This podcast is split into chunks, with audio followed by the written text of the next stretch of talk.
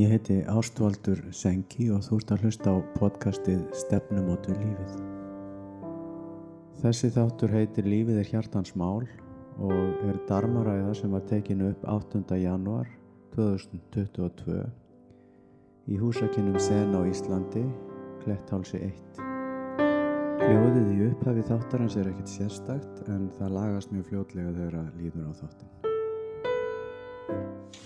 Það er góðan daginn og gleðið fínt á. Dæin.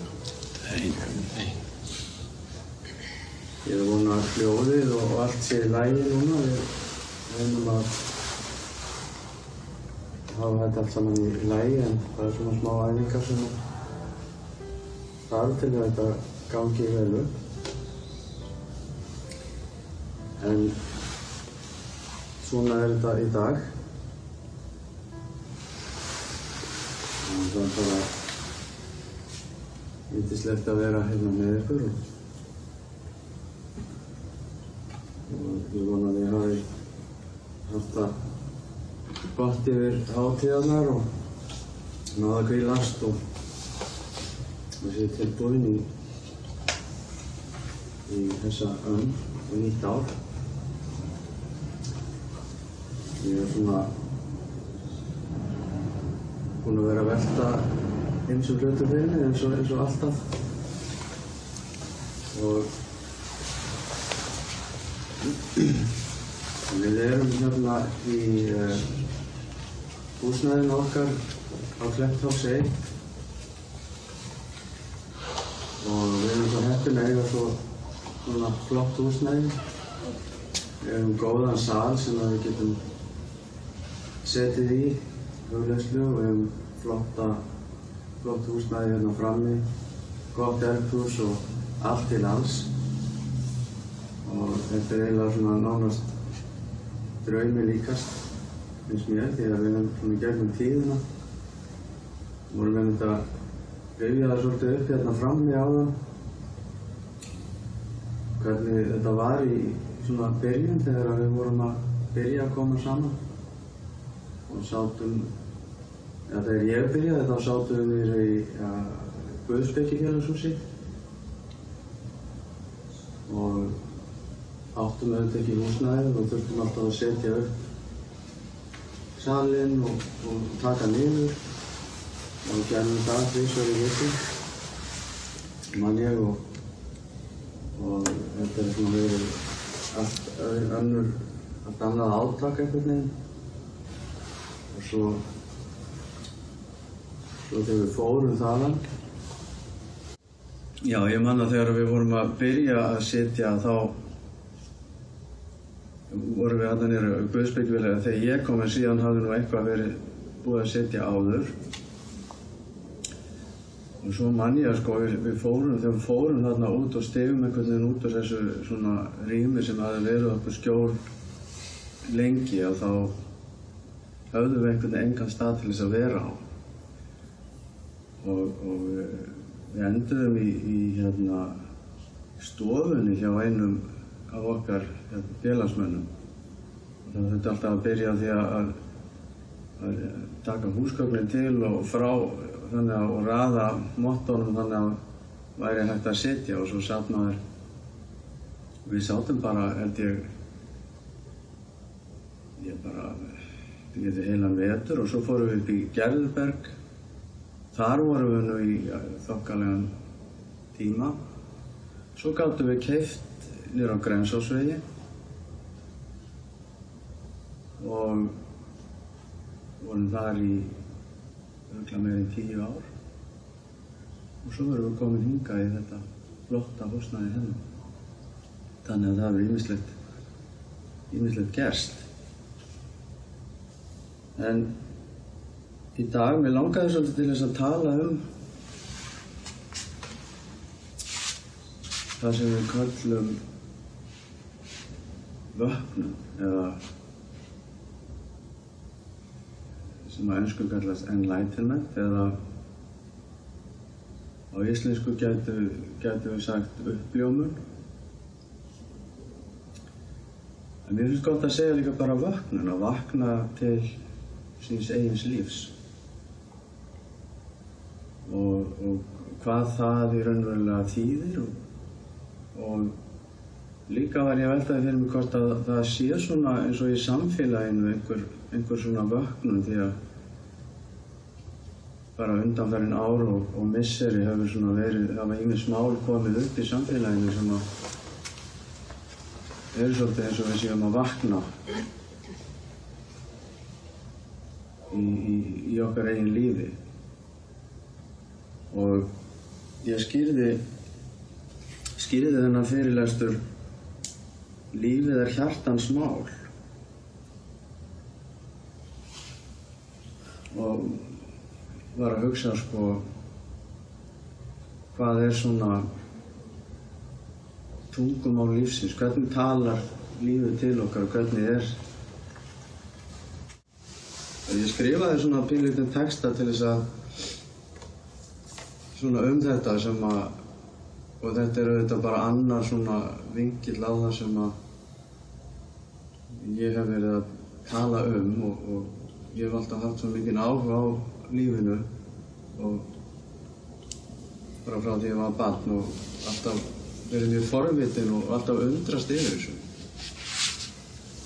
Og aldrei eh, losna við þá undrun einhvern veginn en ég skrifaði við mennirnir erum oftast of uppteknir af okkar einn málum og hugðarefnum til að heyra tungumál hjartans sem talar þó til okkar öllum stundum. Þau okkar sem hafa setið hljóð í þögninni, orðið eitt með lífinu, skinja það djúblega að tungumál hjartans er skýrt og tært á sama tíma og það fæst ekki skilið. Lífið er svo sannlega hjartans mál sem kemur okkur öllum við. Við ættum að staldra við og leggja við hlustir. Og það er kannski það sem við erum að gera hérna í sen, það er að staldra við og, og leggja við hlustir. Og taka eftir. Taka eftir uh, stundin, hvernig hún rís og og hvernig við erum hluti af henni og andleg vöknun ég held að við, við nálgumst þessa, svona, þetta, þessa andlegu vöknun eða vakna í lífinu mjög gjarnan einhvern veginn á þann hátt að við séum einhvern veginn að há eitthvað eða við séum að vinna í einhverju og svo auðmustu við eitthvað. En það var svolítið gaman að Gíða sendi mér í, í gær ég var svona líka að velta þessu svolítið mikið fyrir mér og það var hún Joko Beck sem er einn af mínum líka uppáhalds svona höfundum og ein, einn fyrsta bókin sem ég las í sen var eftir hana. Og hún heitir uh, Everyday Zen ef ég manni þetta og það sem að Gíða sendi mér var svona og það er veitnað í Jokobek hún segir að ég segja á ennsku Enlightenment is not something you achieve it is, is the absence of something all your life you have been going forward after something pursuing some goal Enlightenment is dropping all that. Og ég held að þið flestir hafi skilji ennskuna en, en hún segir að, að uppljómun eða það sem við getum sagt bara vöknun er ekki eitthvað sem við, sem við uh, öðlumst? Eða eignumst. Heldur er það miklu frekar fjarvera hugmyndina okkar. Og, og það einhvern veginn að, vera alltaf í þeim gýr að móka sig úr þessari stund, stund yfir á þá næstu. Einhvern veginn að komast hérðan og áfram. Og en ég held að, að, að þegar maður situr og gefur sér tíma til þess að sitja með stundinni og, og sjá það sem er og þá er eitt af, eitt af þessari eitt af því sem að, maður, það sem rennur svolítið upp fyrir manni er að það er allt hér til staðar. Og stundin er algjörlega fullkomin eins og hún er hún byrtist í í uh, heild, heimurinn byrtist í einni heild sem að vinnur saman og við erum hluti af þessari heild. Og ég voru líka að velta því fyrir mér að, að vöknun í samfélaginu og, og, og vöknun og því að oft talað um svona vitundarvakningu og það er ýmislegt sem gerast. Og, og það er einmitt svolítið einkenni svona vöknunar er að, að það er einhverja gamlar hugmyndir og, svona sem eru bara sem við erum alltaf tilbúin að láta bara fara. Og það er þjón okkur ekki lengur og, og hafa kannski bara aldrei þjón okkur því það eru, eru byggðar á á einhverju hugmynd okkar um, um lífið okkar. Og svo förum við einhvern veginn eftir þeim hugmyndum og erum með þær hugmyndir og við gerum okkur ekki grein fyrir hvernig okkar viðhorf er og hvernig hugmyndirnar okkar eru að vinna bæði svona í, í bakgrunninum sem, sem er svona viðhorf eða svona innra viðhorf og líka svo bara sem við það sem við segjum og við hvort annað. Og, og það sem er að og það sem er líka einkenni vöknunar er að, að það er þessi virðing sem að kemur þegar maður líka sér að, að þetta er ekki keirir ekki áfram af okkur mönnum það er ekki við menninni sem erum að keira lífið áfram. Það, það er hérna og við og í staðan fyrir að við séum að lifa lífinu og þá er lífið að lifa okkur. Það er eitthvað sem lifir í okkur. Eitthvað sem að sem að við getum vel fundið. En við getum ekki skilið. Og ástæðan fyrir því að við getum ekki skilið þetta líf er að lífið er ein órófa heild. Er eitthvað sem er eitt og heilt. En skilningur er eitthvað sem er tvent það er skilningur er eitthvað sem er, er heila abstraksjón það það er eitthvað sem maður segir um lífið. En getur aldrei, sko, sá skilningur getur aldrei verið lífið sjálft og það er merkilegt líka að við erum með allskyns hugmyndir og hefðir sem að hafa einhverja skoðun á því hvernig þetta, þessi stund er. Fjöldan alltaf af allskyns bæði trúabröðum og svo skoðunum og, og en það er skrítið að það er alltaf þetta, allt þetta sem við segjum er allt saman um þessa einu stund sem við eigum öll sami eigum öll samiðinlega að þegar betur er gáð, að gáða þá, þá er þessi stund hérna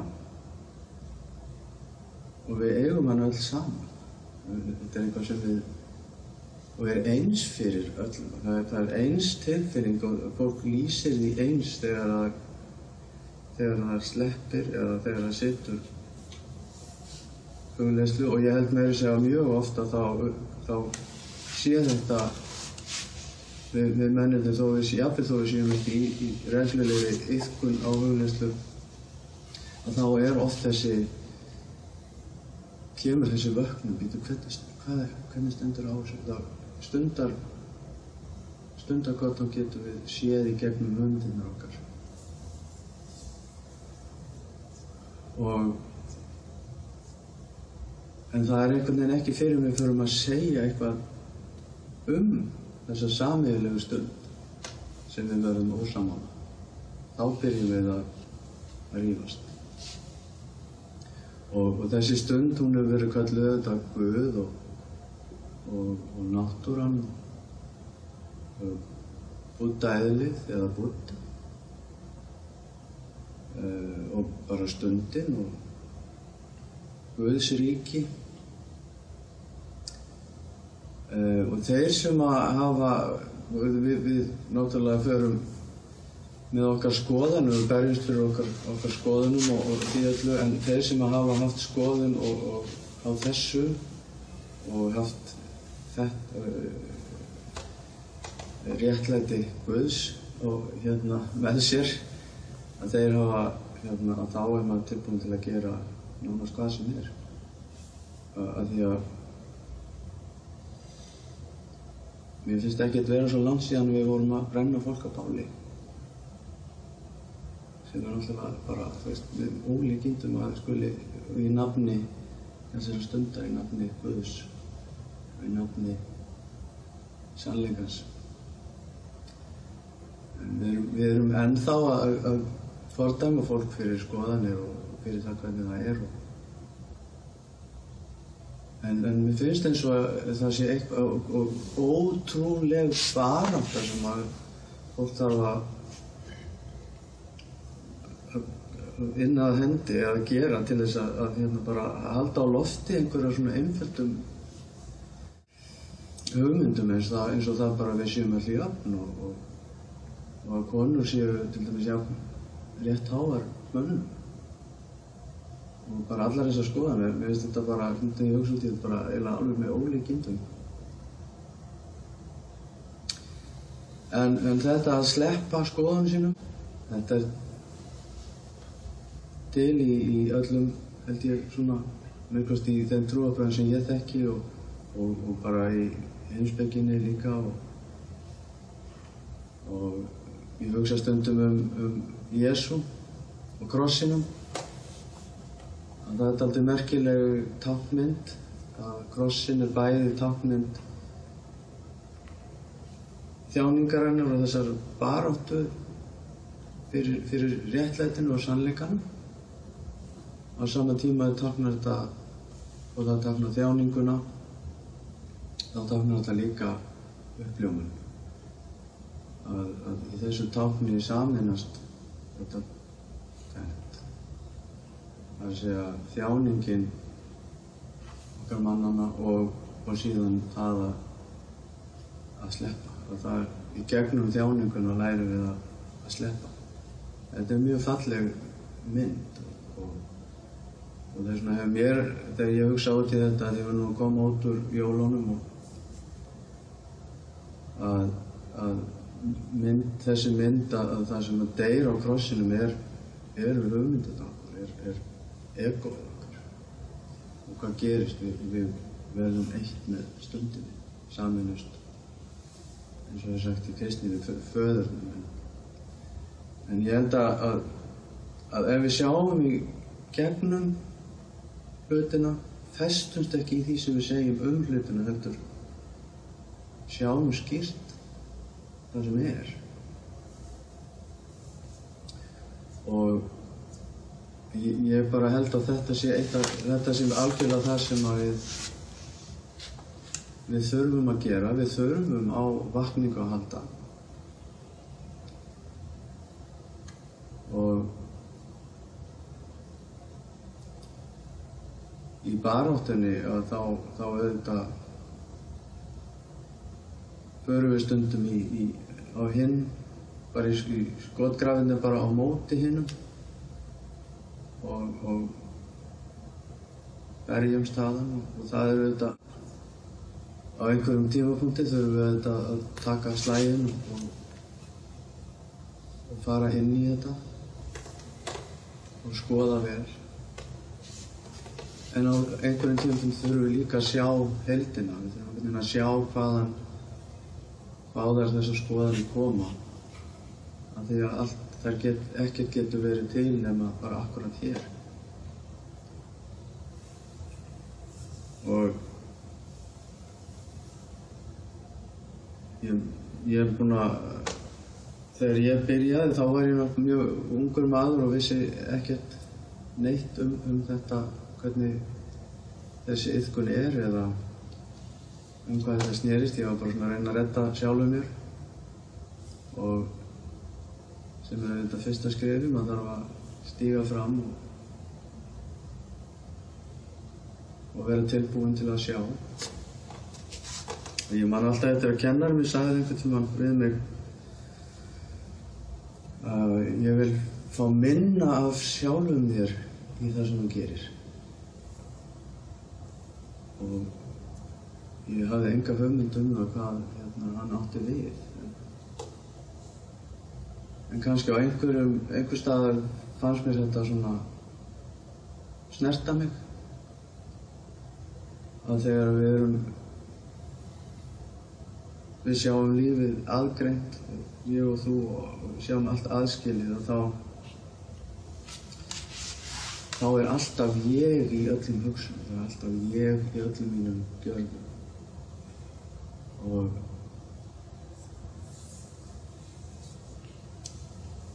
Þannig að ég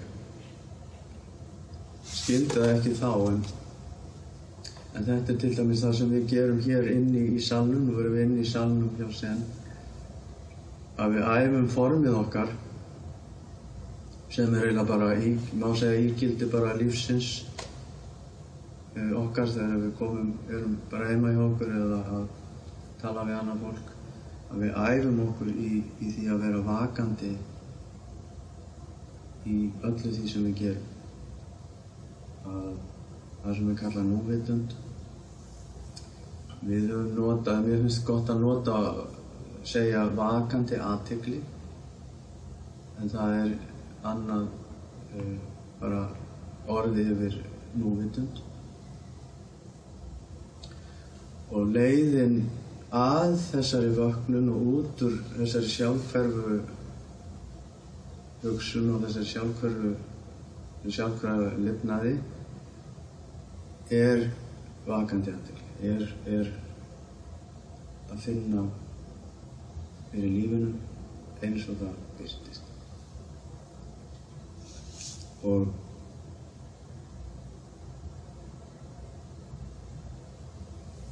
ég ég held að þegar við getum séð dýbra og séð eininguna að það er svo margt sem gerist. Og það er eitt af því sem að kemur með vöknun er, er svona virðing, er þessi virðing fyrir hvort öðru og skýrleiki og að vera vakandi í hverju stundu er þegar að og það skýrist líka uh, manns eigin uh, hvað við hleypum fólki raunverulega nálægt okkur og hvað við förum nálægt öðrum í þessari verðingu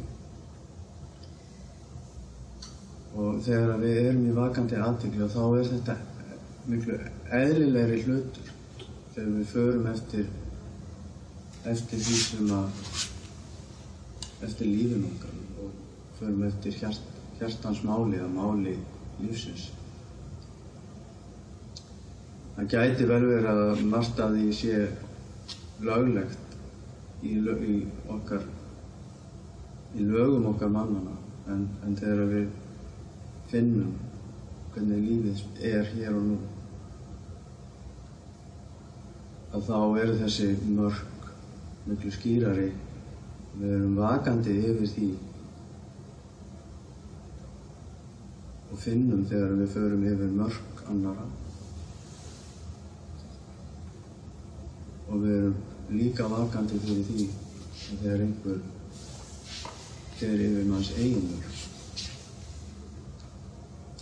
og þetta hefur svolítið verið í, í, í umræðinni og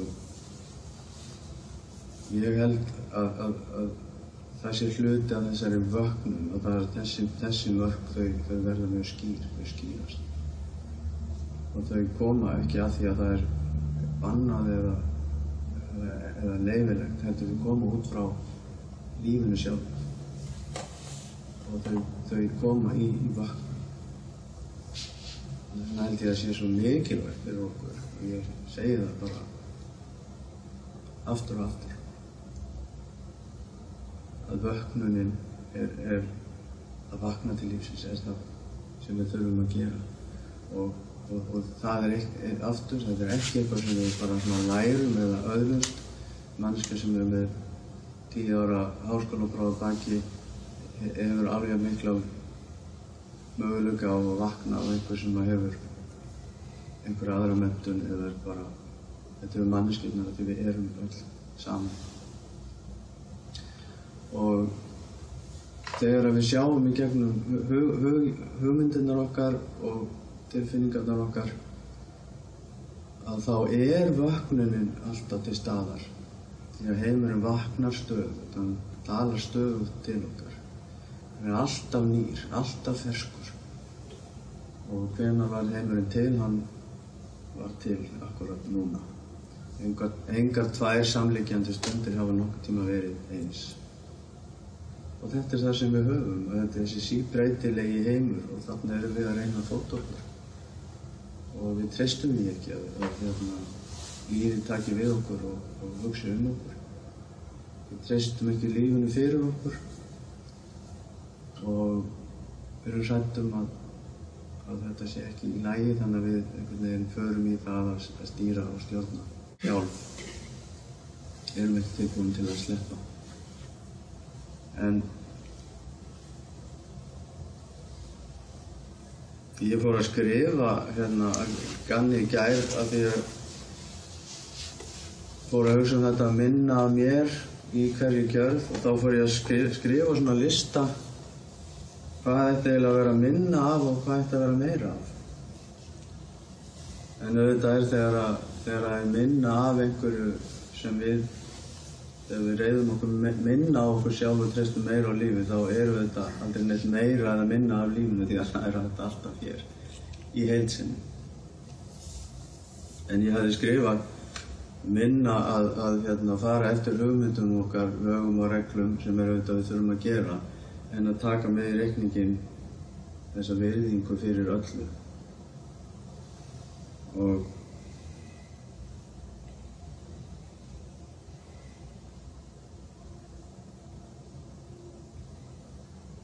og minna af því sem við segjum um lífið. Því að lífið er alltaf hér saman hvort við segjum eitthvað um það eða ekki. Og við segjum minna stjórnleysi. Og þá meira tröst, meiri skýrleiki, meiri sátt við stundina eins og hún er eins og sagði minna meðvitundarleysi og meiri meðvitund, meiri vöknum minni útskýringar meiri ábyrg festast ekki leiðunum að stundinni af því að það er bara einn stund sem við hefum alls samið minna bla bla bla og meiri virkni í sátt. Svo hefði ég skrifað hérna minna kreftur nefi, meira opin hönd hugans. Að opna hönd hugans er, er ofsalega falleg samlíking þegar að sem að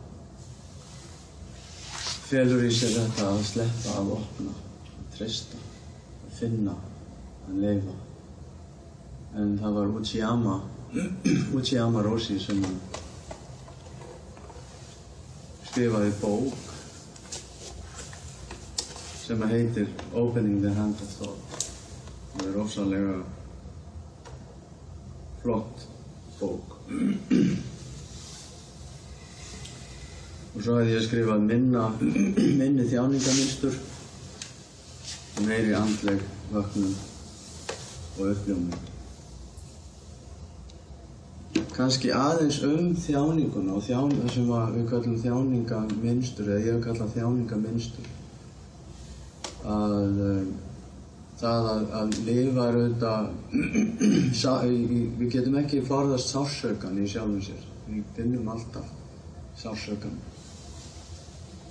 en við getum en þjáningin er valkvæm. Við getum þar segja hvernig við nálgumst og hvernig við tengjumst lífinu. Og Buddha kendi og það er eina af hans sögum og samlíkingum það er að eh, með örvarnar, fyrsta örin og setni örin. Og fyrsta örin er, er lífið. Það er það sem við lendum í það getur verið þetta sorgin og, og, og reyðin og auðvitað gleðin líka en ekki bara en þetta er allt saman þessar tilfinningar sem við höfum og, erfiðleikarnir sem við göngum í gegnum en það er fyrsta örin en setni örin setni örin skjótu við sjálf það er að við festumst í í þjáningunni og bindumst hugmyndum okkar. Og það er verða, það, það er kallað dúkka. Um, en þjáningin er svona, hún, en, hún fer í ringi og hún er í rauninni endalaus, hún fer í ringi aftur og aftur. Því að minnsturinn okkar við hugsun aftur og aftur það sama. Og það er eitt af því sem að kemur líka betur í ljósa þegar við gefum okkur tíma til að stoppa og sjá djúplega að þá fyrir við að sjá hvernig við hugsum og hvað við segjum raunulega við okkur sjálf. Og, og hvaða að því ekkert getur verið til nema að fá næringu. Og hvað er það sem við hvað nærum við í okkur? Erum við nærum við reyðina og beturleikan og beiskjuna eða, eða nærum við lífið Mér fannst, ég stundum hugsa á ef það væri einhver hérna við liðin á mér að, að kvísla í eirað á mér það sama og, og kemur og ég hugsa að þá myndi ég náttúrulega ringja á lögregluna strax. Já, og ég hveti ykkur til þess að vera að skoða vel hvað við hugsum og, og hvað okkur finnst. Þannig að lífið er hjartans mál og mér langar til þess að líka að núna að því ég er búin að vera að tala um, um vöknun og það að, að vakandi aðtegli og yðkun vakandi aðtegli eða núvitundar sé hjálp okkur til að, að vakna og sjá. Að þá hef ég verið að hugsa um hvaða er sem að hvernig getum við yðkað þetta í daglegu líf og hvernig getum við munað eftir því að yfka þetta. Og uh, ég kom upp með það sem ég kalla SALT, uh, S-A-L-T, sem getur verið uh, leið til þess að sem við getum notað og hjálpa okkur til að muna og muna eftir því að sleppa. En þá er S-ið, það stendur fyrir að sjá og A stendur fyrir að aðtöga og L stendur fyrir að leifa T stendur fyrir að treysta. Og í þessu orði getum við þetta orð getum við haft með okkur. Og getur hjálpað okkur og leitt okkur að því að sleppa. Og kannski fara aðeins yfir þessi þessi atriði. Að að sjá og þetta sjáum við við göngum um og við sjáum og, og finnum. En, stu, en það kemur og, og ég, ég hef svona að mestu leiti að þá erum við í ákveðum meðtundarleysi við, við lifum svolítið mikið í okkar bara hugmyndum og hugsunum. Og það sem er einkenni með meðvendaleysi að þegar maður sér meðvendaleysið að þá er það ekki lengur meðvendaleysi að því þá höfum við séð eitthvað. Og við, við, við eigum svona stundir í lífinu þar sem við allt í þau sjáum sjáum eitthvað. Og það getur við, og stundum er það einhver samfélagsleg sín þegar við sjáum að eitthvað er bara ekki rétt. Og svo er það líka bara með okkur sjálf að við sjáum okkur sjálf allt í einu. Og við getum líka tekið þessa stefnu í lífinu að vera bara ég ætla bara að vera tilbúin til að sjá. Og það er ekki víst að ég nái að sjá allt sem ég þarf að sjá en ég ætla að vera ofinn gafkvært því að sjá. Og sjá sjálfa mig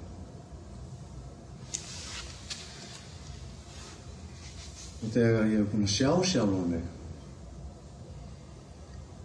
þá ætla ég að gefa mig tíma til þess að aðtóa, ég ætla að skoða ég ætla að vera tilbúin að undrast og vera tilbúin að sjá hvað liggur að baki.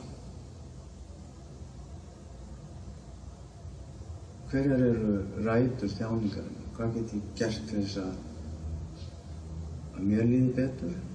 Og þannig að ég geti hjálpað öðrum. Þannig að ég, mitt líf verður til þess að, að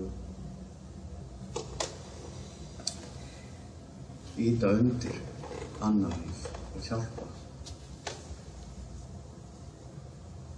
Og þegar við erum búin að sjá og við sjáum djúplega þá það ellið sem er að leifa og þá erum við tilbúin að, leifa stundin að vera eins og hún er. Ég ætla að opna faðum fyrir þessari stund og ég ætla að leifin að vera. Og ég ætla að finna sáttina. Um, ekki að því að ég einhvern veginn valdi þessa stund eða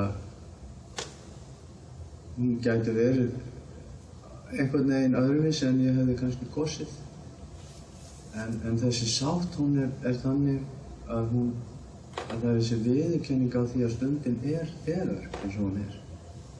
Það er ekkert engum blöðum um það að fletta að það er allt eins og það er nákvæmlega núna og til þess að ég geti sleppt og vera tilbúin til að sleppa og op opna fanin að þá erum við komin að ténu og þá er það tröstið að ég þarf að láta á stjórn sjálfur. Og ég þarf að treysta lífinu fyrir mér. Og ég þarf að vera tilbúin til að að sjá það að, að, að, að ég nota mjög mikið að lífið kann að lifa það þetta er þetta er handan okkar skilnings við erum hluti af þessu. Og, og, við, og það er mjög gott að æfa sig í að trista og salt eða þessi, þessi, þessi orð sem að geta leitt okkur að stundinni. Má líka beita á ákveðna líðan eða eitthvað reyði eða öfunnsíki eða eitthvað. Ef við finnum eitthvað og finnum að við erum að verða heldtekinn af einhverju sem að og við erum búin að sjá það, við sjáum allt í nöðum við líður alls ekki vel og ég er tilbúin að horfast í augu við það að ég er tilbúin að sjá það. Við sjá hvernig við líður. Og ég er tilbúin að skoða það aðtóða það. Fara hvað líkur á baki, af hverju, af hverju er ég reyður hvað er það sem að raunverulega veldur því að ég er fastur í að ég er að næra reyðin. Reyðin getur ekki komið upp nema nema ég gef henni næringu. Og við getum verið tilbúin til að fara og skoða, opna á þessi, þessa hluti. Og þegar ég er búin að skoða og, og af heilum hug og allir hjarta og verið eins heiðarlegur og ég get, þá er ég tilbúin til að sleppa. Þá er ég tilbúin til að leifa. Af því ég ætla ekki að fara að slást við reyðinu. Af því að þegar við að, það að slást eða, eða fara á móti einhverjum, það býr til aðgreining. Þá er ég var hér og reyðin er þarna. Hún er minn anstæðingur. Það er ekkert sem að, engin næring sem er næringaríkari fyrir reyðina heldur, heldur en þessi nálgun. Og þannig að ég ætla ekki að fara í það. Ég ætla að fara í að meðtaka og að leifa. Og það sem að felst í þessari sátt, það að leifa, það felst í því að, að næra ekki. Að næra ekki fræ ósáttar, ósættis. Heldur ég ætla að næ- næra fræ sáttar og, og heilumur. Og í gegnum það fæ ég skýra sín á mig og aðra. Og ég ætla að treysta lífinu. Vegna þess að ég, það er ekki ég sem er að gera þetta. saman. Það er ekki ég sem að lifi, heldur lífið, lifi í gegnum mig. Og það er einhvern veginn þannig að þess vegna getum við ekki komið að þessari yðkun með það í huga að, að öðlast eitthvað eða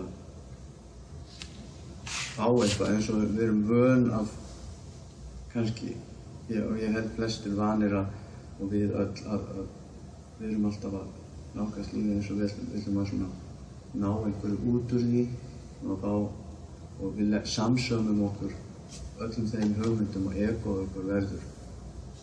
Eh, við upplifum okkur sjálf í gegnum það sem við eigum í gegnum það sem við kunnum og í gegnum eitthvað allar hugmyndunar okkar þar er einhvern veginn tilfinningin fyrir því að hver við erum.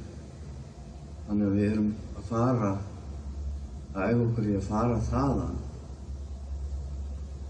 og að finna hver við erum í raun og veru. Ef, ef ég er ekki það sem ég á eða, eða það sem ég kann eða hvað er ég þá?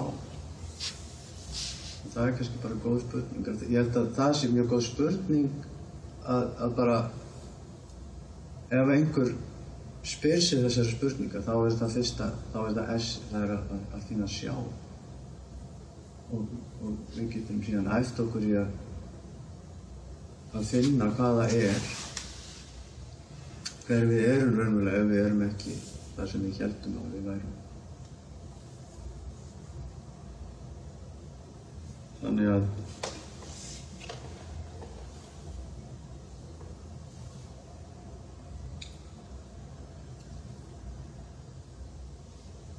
ég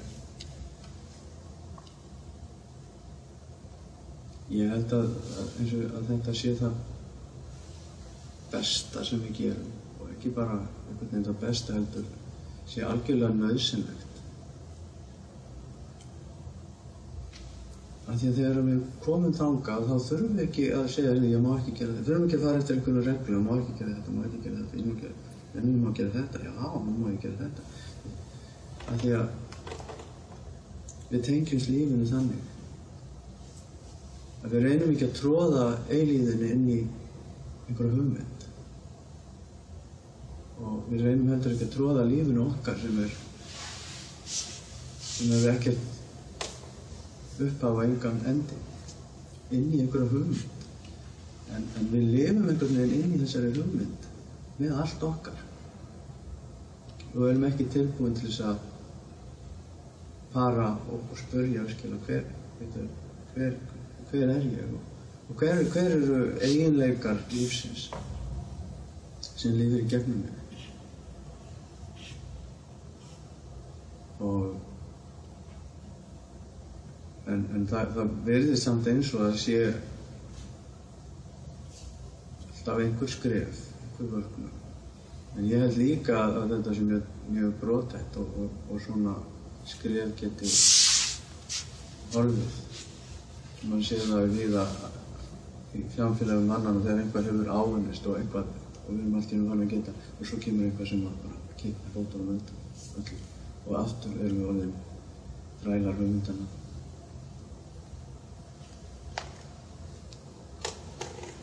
En held að ég sé bara orðin góður núna og sé búinn að segja það sem að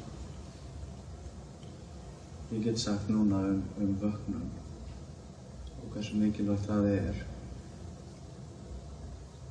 Þá langar mér til að lesa eitt ljóð í lokin og ég skrifaði þetta ljóð í áramótapostin sem ég sendi. Og, og það er einmitt ljóð eftir Uchiyama Roshi sem að helgaði lífsitt þessari spurningu. Hver er ég? Og hafði hugrengi og þól til þess að sína okkur hvað við getum gert til þess að sjá. Og hann tjáir það undir, undir lokin á sínu lífi þá gerðan röð ljóða sem að mér finnst óbáslega falleg og því að hann er þá komin líka undir að svona verða kvölda í hans, hans lífi og, og, og ég held að, að þegar að, að, við deyjum að þá að þá er lífið eins og það er. Að fæðast við fæðast inn í þessa stund sem er heil. Og við deyjum í þessa stund sem er heil. Þannig að því leytinu til er alltaf heilt þannig að það í, eilíðin er, er hérna verið hluti af þessari eilíð. Það er mikið aðskil. Sem deyr er, eru hugmyndina okkar og, og bara eins og Jésu á krossinu. Deyr en við saminast stundinni. En ljóðið er svona, svona og ljóðið heitir Hinn mennska vegferð. Human Route. Að koma tómhendur, að fara tómhendur, það er mannlegt. Þegar þú fæðist, hvaðan kemur þú? Þegar þú deyrð, hvert ferðu? Lífið er eins og svífandi ský sem byrtist. Og dauðinn er eins og svífandi ský sem hverfur. Þið svífandi ský er í rauninni ekki til. Líf og dauði, að koma og fara er einnig svo. Eitt er það sem alltaf er skýrt. Það er hreint og skýrt og reyðir sig ekki á líf og dauða. Hvað er þá þetta eina sem er alltaf hreint og skýrt?